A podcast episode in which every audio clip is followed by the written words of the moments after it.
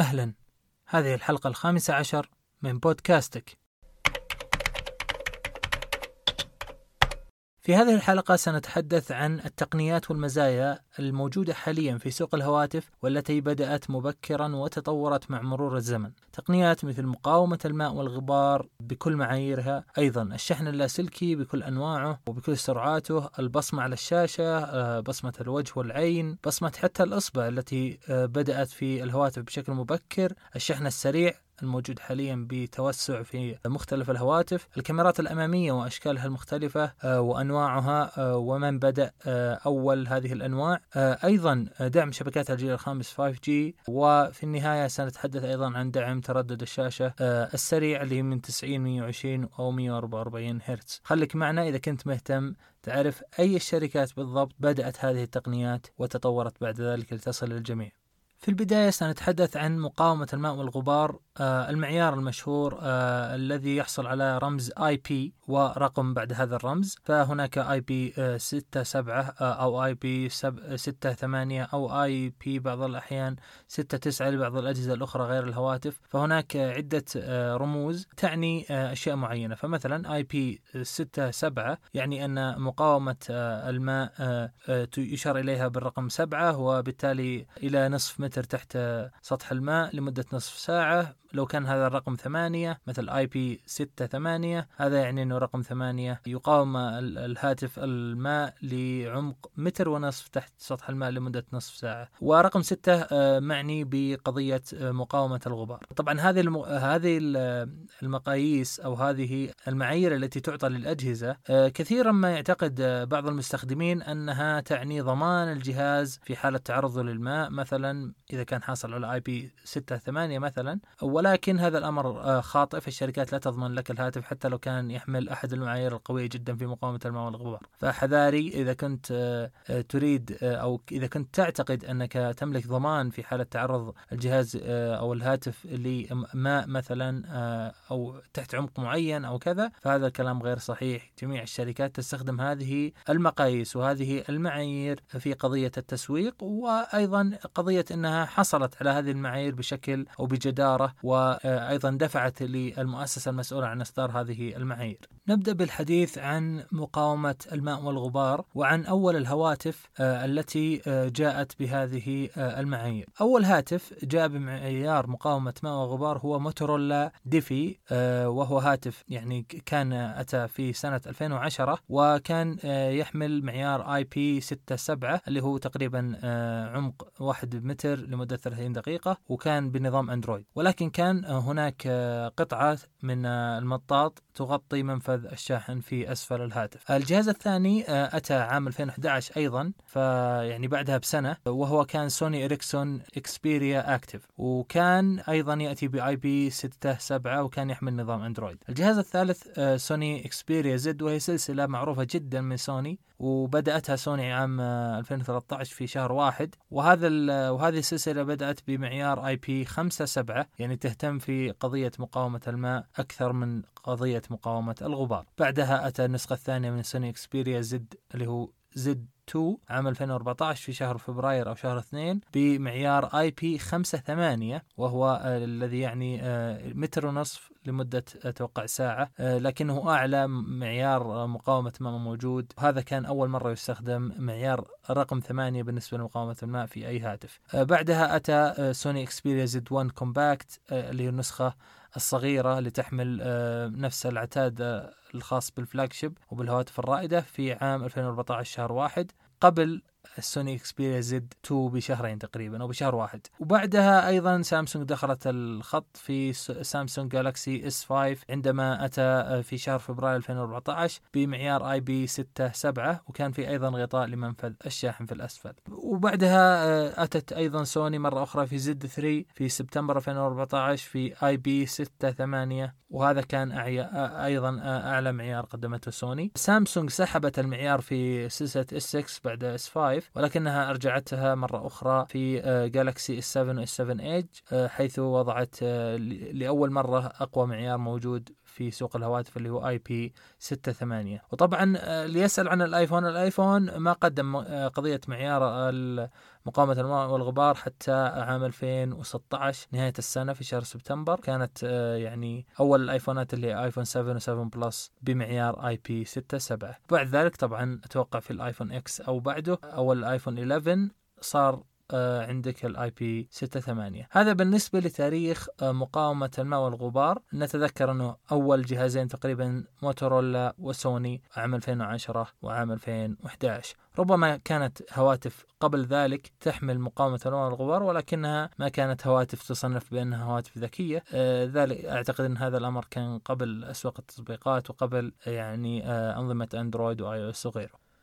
ننتقل الآن للحديث عن الشحن اللاسلكي وهو موضوع آه، يعني طويل حيث بدأ عام 2009 بجهاز من Palm اسمه Palm Pre وكان يدعم الشحن اللاسلكي ولكن عن طريق غطاء خارجي يشترى بشكل منفصل تركبه على الجهاز وبالتالي يدعم الشحن اللاسلكي. وبعد ذلك أتى أيضا Galaxy S 3 آه، في شهر 5 2012 وأيضا كان عن طريق أكسسوار خارجي تستطيع شحنه بشكل لاسلكي ولكن الهاتف اللي جاء بشحن لاسلكي حقيقي بدون أي أكسسوار خارجي بدون أي غطاء خارجي كان Nokia Lumia 920 في سبتمبر أو في نهاية سنة 2012 وهو تقريبا أول هاتف حقيقي بشحن لاسلكي بعد ذلك أتى في عام 2015 Samsung Galaxy S 6 والآيفون أتى في عام 2017 مع الآيفون 8 و8 Plus وبعد ذلك طبعا تطورت قضية سرعة آه، الشحن اللاسلكي وصلت حتى يعني الآن في أيامنا هذه سرعات الشحن اللاسلكي أول ما بدأت كانت 5 واط ثم تطورت 10 واط 15 واط. الآن شفنا يعني في السنة في السنة هذه والسنة اللي آه، يعني الماضية آه، بعض الشركات الصينية وصلت في الشحن اللاسلكي إلى 30 و50 واط وأكثر من ذلك ربما. ننتقل للحديث عن البصمة على الشاشة أو اللي تسمى بالإنجليزي On Display Fingerprint Scanner. هذه البصمة اللي حاليا منتشرة في أغلب الهواتف هواتف جالكسي الهواتف الصينية آه، هواوي مختلف الشركات ما عدا الآيفون طبعا. بدأتها شركة Vivo عام 2018 شهر واحد. في بداية عام 2018 أعلنت Vivo عن جهاز اسمه Vivo X 20 Plus UD UD ترمز إلى under display أو تحت الشاشة. ويمكن أن تلاحظ انه خلال سنتين فقط يعني من عام 2018 يناير والان تقريبا إحنا في يناير 2021 يعني بثلاث سنوات.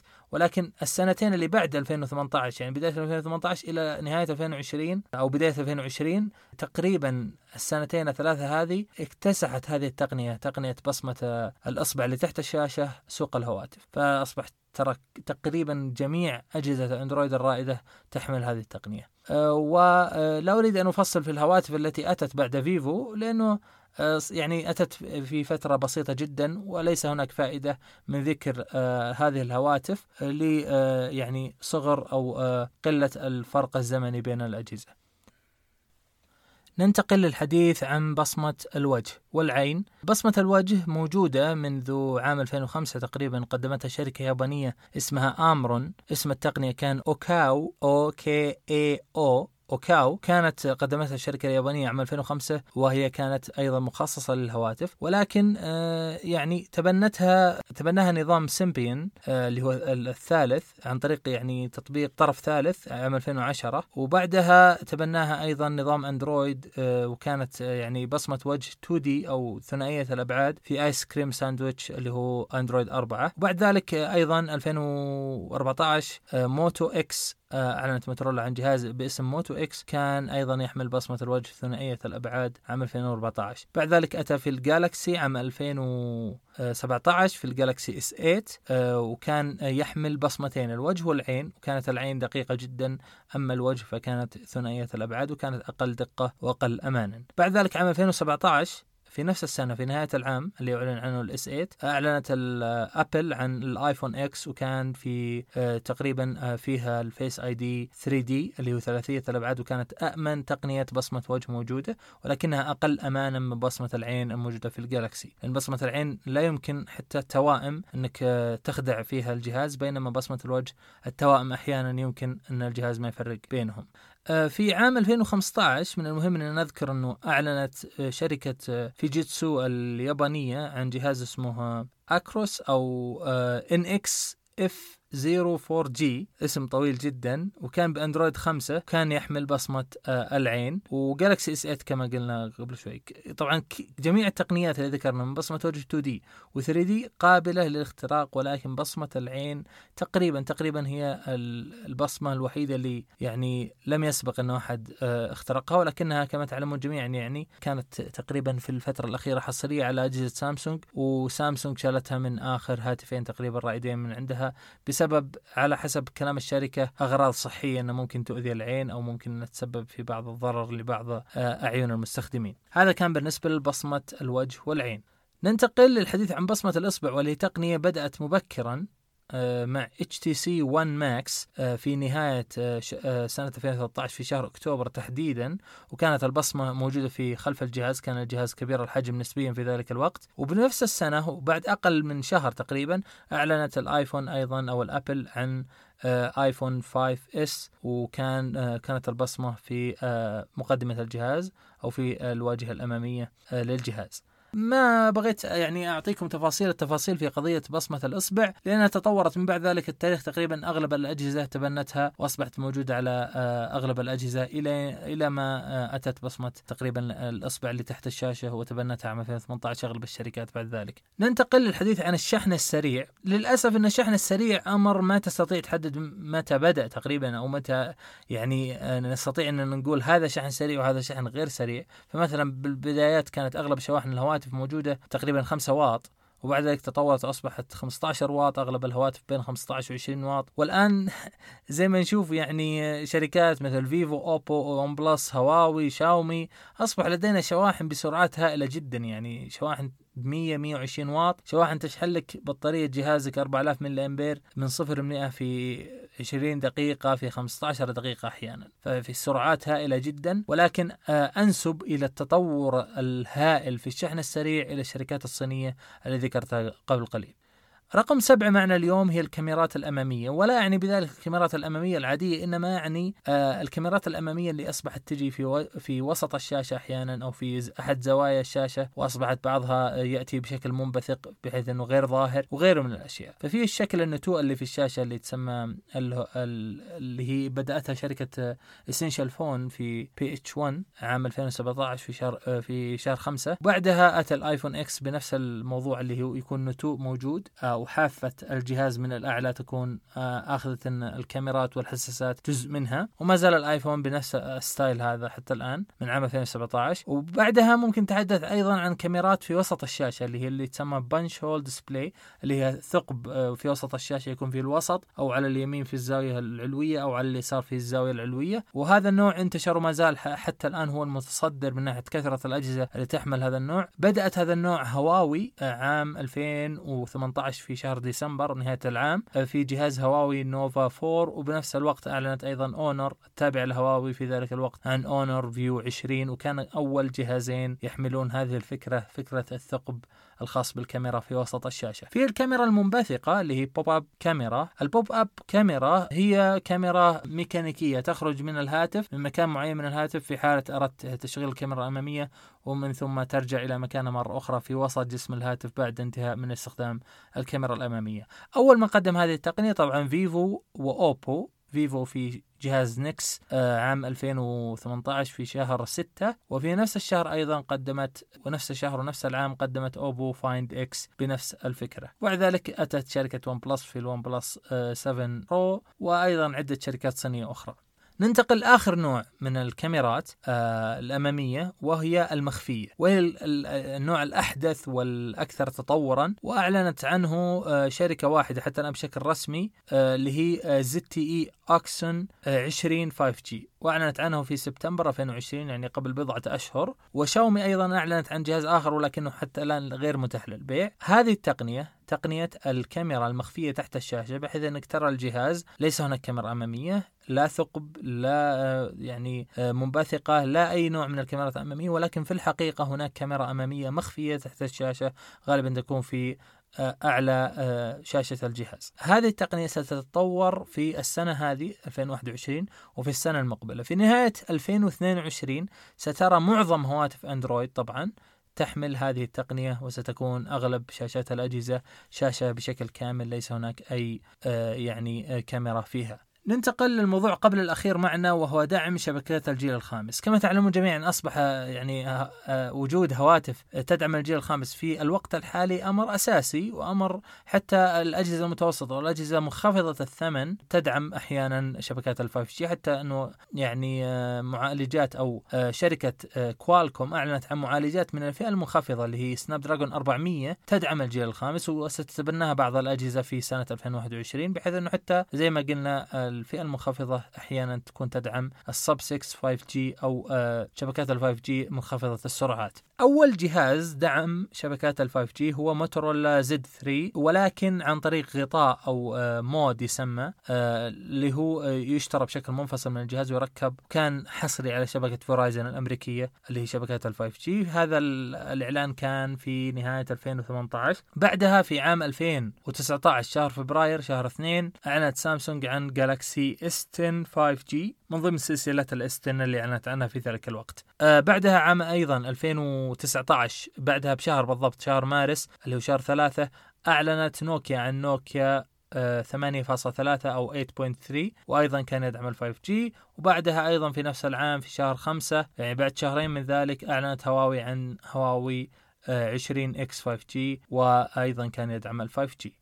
هذا تقريبا الأجهزة وطبعا تطورت وأصبحت أغلب الأجهزة من بداية 2019 تقريبا حتى الآن بداية 2020 أغلبها فيها ال 5G وبالذات المتوسطة والعالية آه، الفئة منها. آه، طبعا الآيفون كان في مؤخرة الأجهزة اللي اللي دعمت ال 5G آه، في الآيفون الأخير اللي هو 12 و12 Pro و12 Pro Max. وما يدعم أيضا ال 5G ال millimeter wave إلا في النسخة الأمريكية فقط. ننتقل لموضوعنا الأخير اللي هو تردد الشاشة اللي هو ينقسم ل 90 هرتز 120 هرتز 144 هرتز. أغلب الشاشات الموجودة يعني سابقا كانت 60 ولكن بدأ يعني هذا الترند أو هذه الميزة الممتازة صراحة واللي يجربها يعني يصعب عليه إنه يرجع لاجهزه 60 هرتز خاصة إذا كان يجرب 120 أو 144 بدأتها شركة ريزر المتخصصة في آه، يعني قطاع الألعاب أنتجت هاتف اسمه ريزر فون عام 2017 شهر 11 وكان يدعم شاشة LCD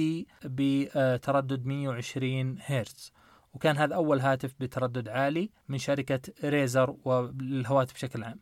بعد ذلك في نفس العام بعد شهر بالضبط أعلنت شارب عن Sharp Aquos R Compact وهو أيضا يأتي بتردد 120 آه، هرتز ولكن بشاشة LCD كذلك. بعد ذلك في عام 2018 شهر 6 أعلنت آه، ASUS عن جهاز ROG Phone الأول وهو كان بشاشة 90 هرتز OLED يعني نوع الشاشة أفضل شيء ولكن التردد ليس الأعلى. بعد ذلك أعلنت سامسونج في في شهر مارس عام 2020 في شهر ثلاثة عام 2020 عن آه، هواتف سلسلة Galaxy S 20 آه، والتي كانت تأتي بشاشة OLED وبتردد 120 هرتز. وهذا أفضل يعني خيار ممكن الواحد يحصله من ناحية آه، أفضل شاشة وأفضل تردد.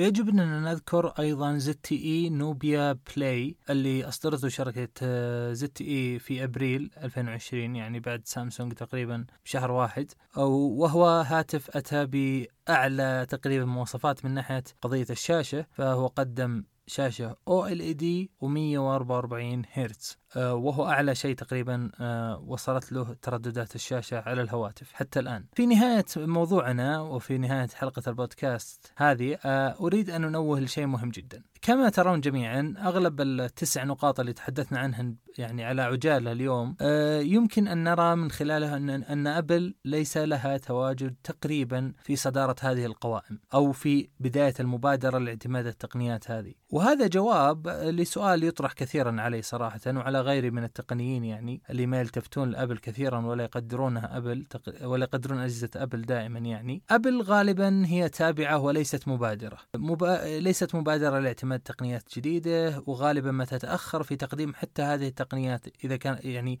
حتى يعني ما تتأخر مثلا تصير الثانية أو الثالثة تتأخر جدا. وأبسط مثال ال 5G مثلا ولا الشحن اللاسلكي ولا الشحن السريع اللي ما زالت يعني متأخرة فيه هي وسامسونج ولكن آه، تقنيات مثل آه، يعني تردد الشاشة 120 هرتز أو ال 5G أو الشحن اللاسلكي، الشحن السريع، البصمة اللي على الشاشة، غيرها من التقنيات والأشياء. دائما أبل إن لم تكن لم تعتمد هذه التقنية حتى الآن فهي تأتي متأخرة بسنوات أحيانا في اعتماد هذه التقنية. وهذا ما يجعلني غالبا أقلل من قدر أجهزة أبل وأعتبر هذه الشركة آه، متفوقة في التسويق أكثر منها من يعني في تقديم التقنيات للمستخدمين. أتمنى أن كانت الحلقة يعني مفيدة لكم وأتمنى أنك حصلت على معلومة جديدة اليوم من هذه آه، المعلومات اللي ذكرناها في آه، مختلف التقنيات يعني موجودة. إذا أي في أي استفسار في أي سؤال حياكم الله. بحط جميع حساباتي موجودة وبحط بعض المصادر اللي استخدمتها اليوم في آه، إعطائكم هذه المعلومات ونلتقيكم إن شاء الله في بودكاست قادم. والسلام عليكم ورحمة الله وبركاته.